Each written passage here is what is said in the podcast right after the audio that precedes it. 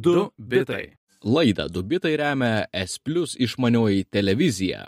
Žiūrėk televiziją kada nori, per kur nori. Daugiau informacijos splus.lt. Sveiki žinių radio klausytojai. Girdite laidą 2 bitai. Prie mikrofono aš pirmas bitas Jonas Lekevičius, šalimais antras bitas. Lukas Keraitis ir kaip ir kiekvieną savaitę šiandien apžvelgsime svarbiausias praėjusios savaitės technologijų naujienas. Žinau, kad Jonas į studiją atvyko beveik tiesiai iš oro uosto, pats gyvas sveikas, bet be daiktų, be bagažo ir juos trekina savo AirTagais, kurių aš gyvai nesu matęs. Tai Jonai papasakok, ar pavyksta tau susekti, kur yra tavo bagažas ir kaip veikia AirTagai. Aš tik tai žinau, kad kai jie išėjo, man atrodė visai wow ir įdomu, ar, ar gerai veikia. Ja, čia buvo, žinai, mano pirma kelionė ir buvo proga išnaudoti tą vat, sekimą. Tai įsidėjau po vieną iš tų tokių trekerių į savo kiekvieną bagažo dalyką ir aišku, įdomiausia buvo su tuo čekino bagažu registruotu. Ir buvo visai įdomu žiūrėti, kaip jis keliauja po visą oro uosto sistemą su kiekvienu skrydžiu. Ir tada prieš pakelimą atsidarai appsą, pasižiūri, o, jisai yra keli metrai už manęs, e, sėdi tam pačiam lėktuve, viskas labai smagu. Frankfurte grįžtant turėjome, turėjau gana trumpą persėdimą. Ir taip žiūrėjau, jog "Ai, jis lyg ir keliauja link to teisingo terminalo, bet jau, jau lėktuvas sako boarding complete. E, O atrodo bagažas dar netoje vietoje ir tada mes išvažiavom pakilimo tako, atsidariau appsą prieš išjungda, išjung, įjungdamas skrydžio režimą ir žiūriu, liko jisai oro uoste ir visą skrydį galėjau būti nelaimingas, bet žinodamas, jog Vilniui nereikės laukti prie karuselės. Taip, tai iš esmės žinojai, nors pakeisti nieko negalėjai. Kas nežino, kas yra e, AirTagai, tai Apple prieš kiek metų, prieš pusę metų, prieš metus greitai laikas. Kažkas tokio prieš, jo, kelis mėnesius. Paleido tokius mažus įtaisėlius, apie kuriuos visi svajojome, man atrodo, nuo vaikystės. Na, tai buvo bandyta padaryti anksčiau, iš esmės, raktų pakabukai, kurie yra vadinamieji trekeriai. Tai tu per savo e, programėlę gali matyti, kur yra daiktas, prie kurio prisėtas tavo pakabukas. Raktai, piniginė ar jo atveju lagaminas. Ir geriausias dalykas yra, jog jie veikia praktiškai metus ant tos pačios baterijos, nes jie patys nesijungia prie GPS. -o. Um, jų lokaciją atpažįsta kiekvienas Apple prietaisas. Vadinasi, visi, kas turi iPhone arba iPadą, yra to sekimo tinklo dalimi. Ir tas leidžia taip praktiškai realių laikų stebėti, kur jie yra ir laikų suprasti, jog atskrisi be bagažo. Kieta, kieta, šiaip iš tikrųjų kietai, ki- kietai tikrai ta technologija veikia, nedažnai aš pagiriu Apple ir prisidedu prie tavęs, bet, e, bet ir tegai panašu visai neblogas išradimas ir gal net ir pats vieną norėčiau. Tai tikiuosi tavo lagaminas e, sėkmingai grįž. O kalbant apie šios savaitės naujienas, pradėsime nuo mažiausiai šviežios, jau praėjusią savaitę tai įvyko, galbūt girdėjote. Buvęs Junktinių valstijų prezidentas Donaldas Trumpas pranešė paleisintis savo socialinį tinklą pavadinimu Truth Social. Iš, iš, išvertus reikštų tiesa socialinis tinklas kažkas tokio. Uh, Truth Social priklausys ir naujai, tuo pačiu naujai Trumpo medijų bendroviai Trump Media and Technology Group. Jie planuoja na, daugiau medijos projektų paleisti. Ir be to, kad e, na, vienintelis Junktinių valstybių prezidentas, kuris e, buvo ap- apkalta jam pareikšta du kartus, paleidžia socialinį tinklą pavadinimu tiesa, e, mes su Jonu nežinau, ką galim pasakyti, be to, kad šiek tiek, šiek tiek iš to juokiamės, krizenam. Kol kas tas socialinis tinklas neveikia, planuojama kitą mėnesį paleisti e, privačius pakvietimus, o kitų metų pradžioje Trumpo sikėjai galės vienytis tame socialinėme tinkle. Iš technologinės pusės tas tinklas yra paremtas, jie tiesiog paėmė tokį atviro kodo socialinį tinklą Mastodon, pakeitė paveiksliukus, grafiką ir pavadino tą Trumpo socialiniu tinklu. Tai jeigu čia yra tokia prognozė, kiek e, išmanios technologijos galime tikėtis iš Trumpo technologijų grupės, tai baimintis nereikia. Jeigu jie tiesiog gali paimti projektą ir jį paleisti, tai nėra beprotiškai spūdinga ir uh, visiškai tikėtina, kaip Trumpas elgtųsi. Taip, čia iš esmės technologiškai nieko ypatingo, aišku, pažadas yra, kad free speech, visi galės kalbėti, ką nori, nors Time.com jau dabar pastebi, kad e, term of service, tai yra aprašė viso šito projekto yra, da jau dabar taisyklės, kad negalima menkinti, negalima teršti kitų vardų, tai ta free speech dar su žvaigždute, ar ne? Ir kas ten yra daug taisyklių, ko šitame laisvo, laisvo žodžio tinkle negalima daryti. Viena iš jų, jog negalima naudoti per daug didžiųjų raidžių, tokio apsloko. Ir žinant pačio Trumpo Okay. okay. šnekėjimo manierą, kuris labai mėgsta kartais visas žinutės vien tik tai didžiosiamis rašyti. Yra labai ironiška matyti šitas e, dviejų standartų taisyklės. Taip, na ir tiesiog mes gal kiekviename ne tik kažkokių politinių priežasčių, bet šiaip kas iki šiol bandė sukurti socialinį tinklą, bet taisyklių niekam iki šiol nesisekė. Aišku, Trumpas tai bando daryti, kadangi jis yra už, išbanintas iš e, Facebooko, Twitterio ir YouTube'o nuo šių metų pradžios, kai per šitos socialinius tinklus paskatino Kapitolijaus šturmą ir, ir šties socialiniai tinklai jį išmetė ir už tai dabar jo negirdime. Na, bet jis žada sugrįžimą. O kaip, kaip bus iš tikrųjų, pažiūrėsim, pagyvensim ir pamatysim, ar ne?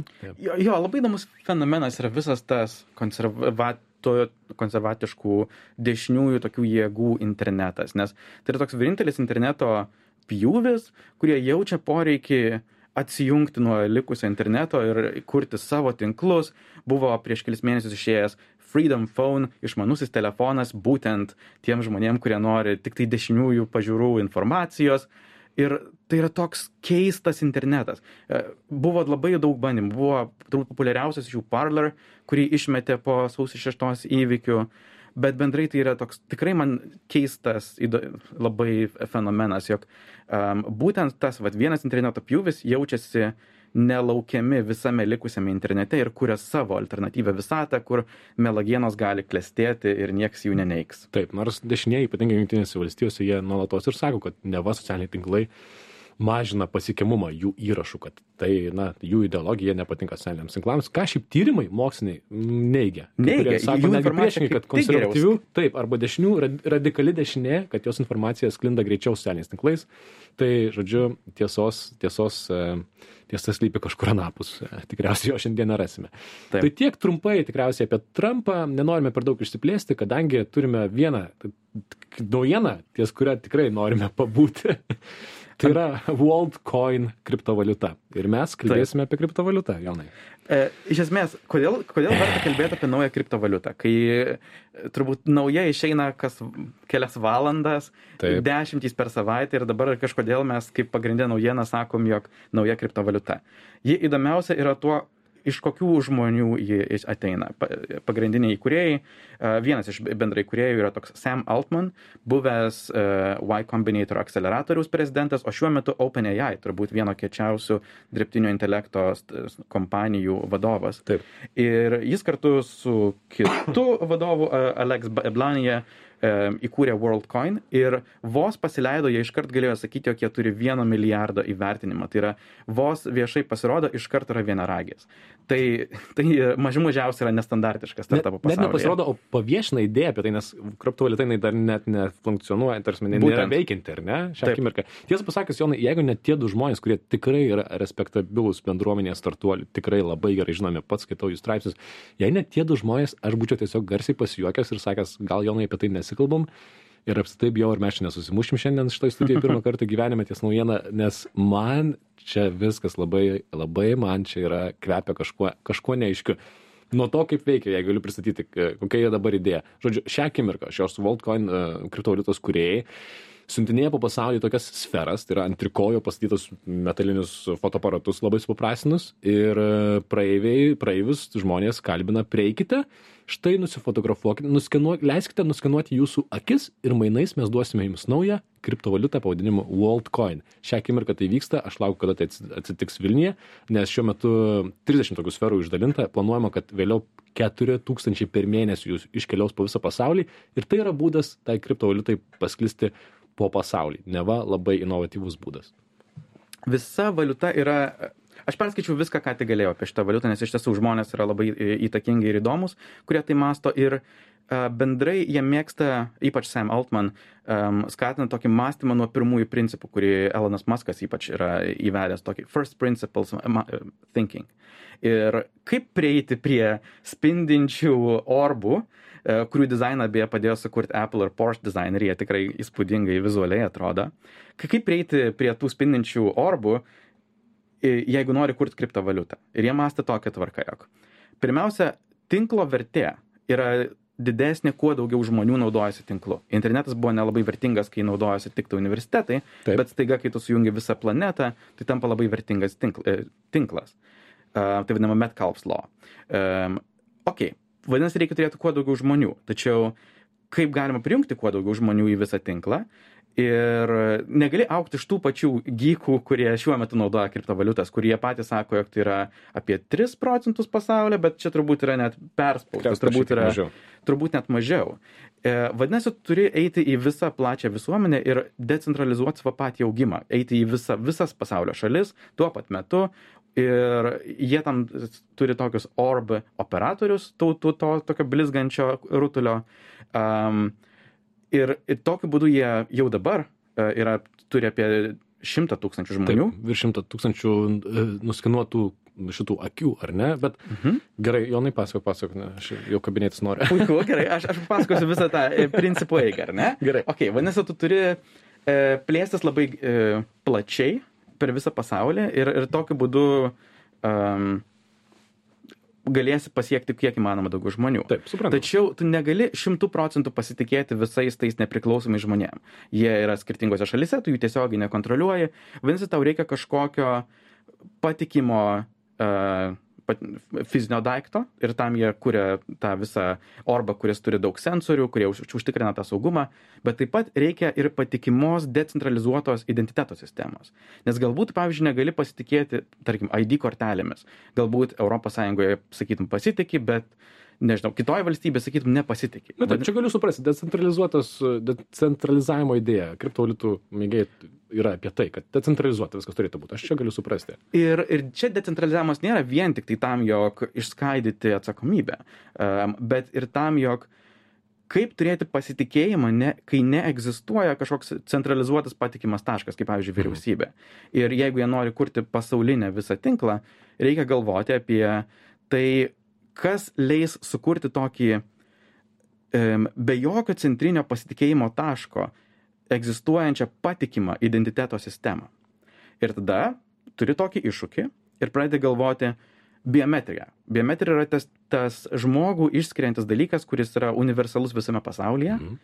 Ir jokia valdžia negali to kažkaip kontroliuoti, gaminti neteisingas ar, ar padirbtas biometrijas. Tada pradedi galvoti, kokie yra biometriniai žymenys, kuriais tu gali pasitikėti. Mhm.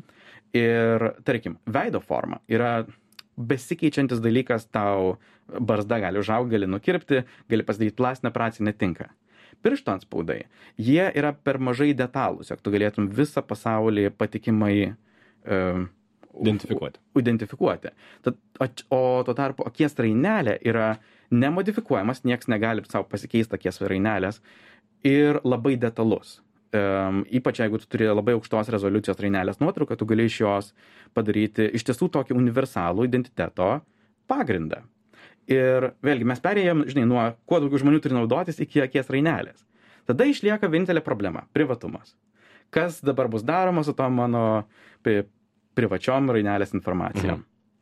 Ir 80 procentų turbūt visos jo infor- jos informacijos, ką jie turi savo puslapyje, yra būtent apie tą privatumą. Pats kodas dar nėra atviras, jie sako, jie padarys atvirą, tačiau pasidalino visą kriptografinę logiką, ką, ką darys. Ir iš to, kiek aš suprantu apie kriptografiją, tai iš tiesų yra pačios moderniausios technologijos, jie nau- nau- naudoja tokius, pasakysiu, raktažodžius semaphores, uh, zero knowledge proofs. Visa tai užtikrina, jog pirma, tai aišku, jie nelaiko pačios rainelės nuotraukų, jie tą suveda į tokį vadinamą hashą, um, iš kurio tu negali atkurti atgal rainelės, bet tas nėra labai spūdinga. Um, kas iš tiesų yra įspūdinga, jog jie sugebėjo sukurti kriptografinį mechanizmą, kuris jiems leidžia garantuoti, jog nieks negalės susijęti rainelės su piniginės identitetu. Vadinasi, tu negali pasakyti, ha, kuris hashas turi šitą, valiutą, šitą piniginę. Ir būtent tas man ir mane labiausiai ir nuramina. Aš žinau, jog net jeigu mano hashas bus toje duombazėje, nieks negalės atsekti iš tos informacijos, kiek, tarkim, pinigų aš laikau WorldCoin. Taip, puiku. Ir e, žinių radio klausytėjams, kurie ką tik įsijungia ir galvoja, apie ką jie čia kalba. Pasakysiu, kad jūs girdite laidą 2 bitai, su Jonu kalbamės apie technologijų naujienas ir dabar kalbame apie WorldCoin kriptovaliutą, kurios kuriejai nusprendė ją išdalinti po pasaulį, išsiųsdami tokias orb, o, sferas ant trikojų uždėtus metalinius e, fotoaparatus, kurie skenuoja akis ir jie sako praeiviams, ei, praeivi, prieik, nusiskenuok savo akis ir mainais gausi kriptovaliutos kažkada ateityje, kažkiek, neaišku kiek. Ir aš esu labai skeptiškas šiai idėjai.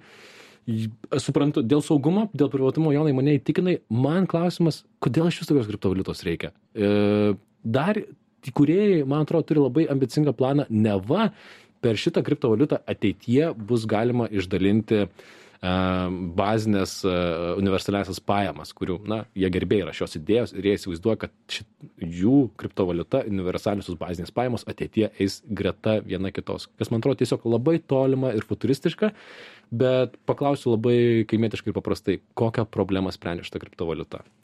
Žiauriai geras klausimas, Lukai.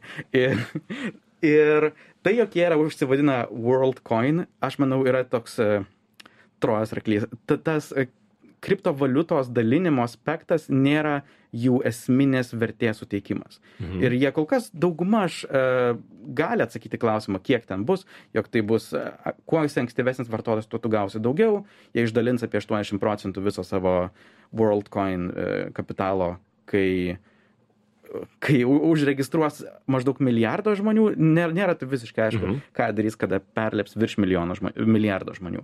Tačiau viso ko esmė visgi nėra taip tas pats kriptovaliutos tinklas. Jie naudoja esamą Ethereum tinklą ir taip vadinamus rollupus um, tam, jog pačias valiutas siuntinėti. Taip, infrastruktūra jau esama. Tikroji vertė yra būtent tame, jog tai yra decentralizuotas globalus identitetas, kuris nesiremia kažkokiai ID kortelėmis ar dar kažką. Jis remiasi uh, mūsų jau aptartų biometrinių žymenių, kuris yra nepadirbamas. Akurainelėmis, taip. Būtent.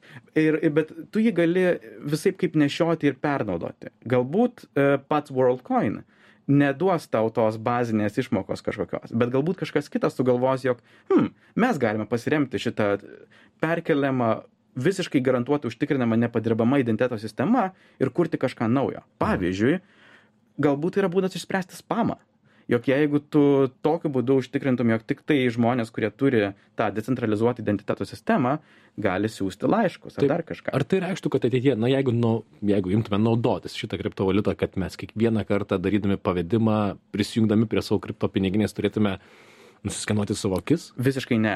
E, rainelės skanavimas turėtų būti dalykas, kuris nutinka vieną kartą gyvenime ir niekada daugiau. Jis yra tik tai tam, jog užtikrinti tavo rainelės unikalumą. A, kad taip, kad prisijungi ne šuo, o žmogus. E, ir jog tas žmogus gali tą padaryti tik vieną kartą. Mhm. Jog tu negalėtum, aš noriu pinigų, aš noriu pinigų, aš noriu vėl pinigų. Taip. Ir jeigu kažkas bandytų skenuoti tave antrą kartą, tai būtų net šiek tiek prieš visos sistemos dizainą. Taip. Visas tiklas yra tiesiog užtikrinti žmonių unikalumą ir nieko daugiau. Žinai, prieš, prieš tavo viską papasakoti, aš galvoju, kad tai yra neįtikėtina, dabar vis dar galvoju, kad tai yra...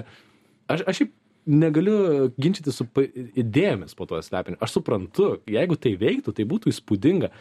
Man tai atrodo gana komplikuota ir stipriai ambicinga, ar ne, nes tu turi išsintinėti tūkstančius fizinių prietaisų po šimtus pasaulio šalių, kad praeiviai, e, kurie šiaip tikriausiai nesupranta, ką daro. Prieitų ir nusifotografuotų savo akis, tada gautų ten penkis, kažkiek pinigų kriptovaliutą ir dar ateityje norėtų ją naudoti. Čia yra arba žiauriai genialu, arba, arba nežinau, arba labai, labai skamba, komplikuota. Skamba kaip Sam Altman projektas. Ir aš, aš tame kontekste net pilnai suprantu, kodėl jie jau yra verti milijardo. Kai aš įsigilinau į visą jų logiką ir ką jie jau dabar yra pasiekę, um, aš iš tiesų patikėjau labai smarkiai šitą idėją ir um, manau, jog tai tikėtina mes susidursim su tuo ateityje. Gerai, aš manau, kad kažką, na, tie žmonės, jeigu dabar pamatysite e, klausytojai kažkur gatvėje, greičiausiai mieste, žmogų, kuris ant trikojo turi krepšinio kamulio dydžio tokį spindinčią sferą, ir prašys jūsų nusifotografuoti savo akis, mainais į kriptovaliutą, tai žinosite, apie ką jau kalba eina. E, tikėtina, kad tas žmogus galbūt bus Jonas. toks, jau, toks jau gerbėjas. E, o gal ir aš prisijungsiu, jeigu mane įtikinsi. Na, žodžiu, visiškai, visiškai neįtikėtina. E, seksim, kaip sekasi šitam projektui ir jums taip pat papasakosim. Na gerai, gerai, nesusipykom, nesusimušėm. Tai dar spėsim, spėjom dar vieną naujieną, ar ne, pakalbėti? Ar spėjom? Mhm. Paskutinė šitą imam Teslas mhm. ar imam Snapchatą? Galim Teslas. Teslas, ar ne? Gerai, Snapchatas ten komplikuota. Tai e, visai nemaža naujiena ir visai šviežia. E, paskutinioji šiandieną automobilių nuomos kompanija Hertz pranešė užsisakiusi 100 tūkstančių naujų Tesla elektromobilių ir įmonė planuoja juos naudoti nuomą Junktinėse valstijose ir ES, vėliau ir kitur pasaulyje. Ir šitas įsigijimas turėtų būti įvykdytas gana greitai, mano nuomonė, iki 22 pabaigos. Teslai skaičiuojama tai pridės e, virš 4 milijardų dolerių pajamų ir kaip Jonai minėjai, ar ne, kas Uberis paims pusę tų automobilių? Taip, šį e, trečiadienį, e, trečiadienį Uberis pasakė, jog jie pernuomos iš Hertz 50 tūkstančių iš šito 100 tūkstančių užsakymų. Tai vadinasi, tikrai ne ne vien Hertz savo kapitalų padarė šitą užsakymą. Uberis tikrai smarkiai prisidėjo, nes Uberis yra pasakęs, jog iki 2030 metų nori pereiti prie pilnai elektrinių automobilių ir vairuotojai, kurie norės vairuoti Uberį, tiesiog pernuomos atgal iš Uberio, čia tokia nuomos grandinė. Hertz, Aha. Uber ir galiausiai patys vairuotojai. Ir kartu vyksta visos šitos trys kompanijos, jos įveda elektromobilių revoliuciją. Taip, e, gera naujiena ta tikriausiai, kad Hercas nuomodamas e, tos elektromobilius pristatys daugiau elektros krovimų statelių, nuo ko laimės visi. Dar kas buvo man įdomu sužinoti, kad e, na, nuom, nuomai skirti automobiliai dažniausiai veikia taip, kad tiek Hertz įmonė, tiek kiti jie dažniausiai perka automobilius 6-12 mėnesių ir tuomet juos parduoda aukcionams kaip na, dėvėtus automobilius. Tai reiškia, kad rinka pasieks po keliarių metų dar daugiau, šiek tiek labai mažai dėvėtų Teslų, tai jos bus išeiti kaip perkamesnės. Na ir šiaip po šitą naujieną dar slepiasi tai, kad Tesla įmonės vertė pirmą kartą istorijoje pakilo iki 1 trilijono jungtinių valstybių dolerių ir netgi šiek tiek daugiau. Milžiniškas užsakymas, 100 tūkstančių naujų elektromobilių, kažkur nesu tikras, bet kai kas sako, tai yra didžiausias vieno, vieno, na, vieno užsakymo skaičius automobilių industrijoje. Pažiūrėsim, kaip, ar taip iš tikrųjų yra. Ir paskutinis įdomus kontekstas turbūt yra, jog Uberis sako, jog jie perka 50 tūkstančių, tačiau aš prisimenu Teslos ambicijas su robotų e, taksi servisu ir gali būti, jog tai bus labai įdomi pirkėjo pardavėjo konkurencija, nes Teslos tikslas yra, jog Uberį egzistuotų be vairuotojų, patys e, nuvežtų tave iki tinkamo taško. Tad bus įdomu, artimiausi dešimt metų bus įdomus. Taip, man dar norisi priminti, kad metų pradžioje Bidenas, vos išrinktas prezidentu, liepė visas Junktinių valstybių federalinės, tai yra valstybė priklausančias transporto priemonės pakeisti elektrinėmis. Tai čia virš 600 tūkstančių automobilių, vien 200 tūkstančių paštui skirtų automobilių, tad e, smagu matyti elektromobilius riedant į priekį. Tad tiek tikriausiai naujienų, kriptovaliutos Trumpas ir elektromobiliai, girdėjote laidą Dubitai, čia buvome mes, Lukas Keraitis ir Jonas Lek. Ir Jonas, Jonas Lekevičius. Taip, e, kaip visuomet, mus galite mūsų šaltinius skaityti dubitai.com svetainėje, ten surašome viską, ką mes naudojame šaltinius, technologijų naujienos, taip vadinasi mūsų Facebook grupė ir e, jeigu jums patogu, mūsų galite klausyti tiek žinių radijos svetainėje, tiek Spotify užsiprenumeravę ir pasimatysime kitą savaitę. Iki. Iki. Du bitai. Laidą Du bitai remia S plus išmanioji televizija. Žiūrėk televiziją kada nori, per kur nori. Daugiau informacijos splius.lt.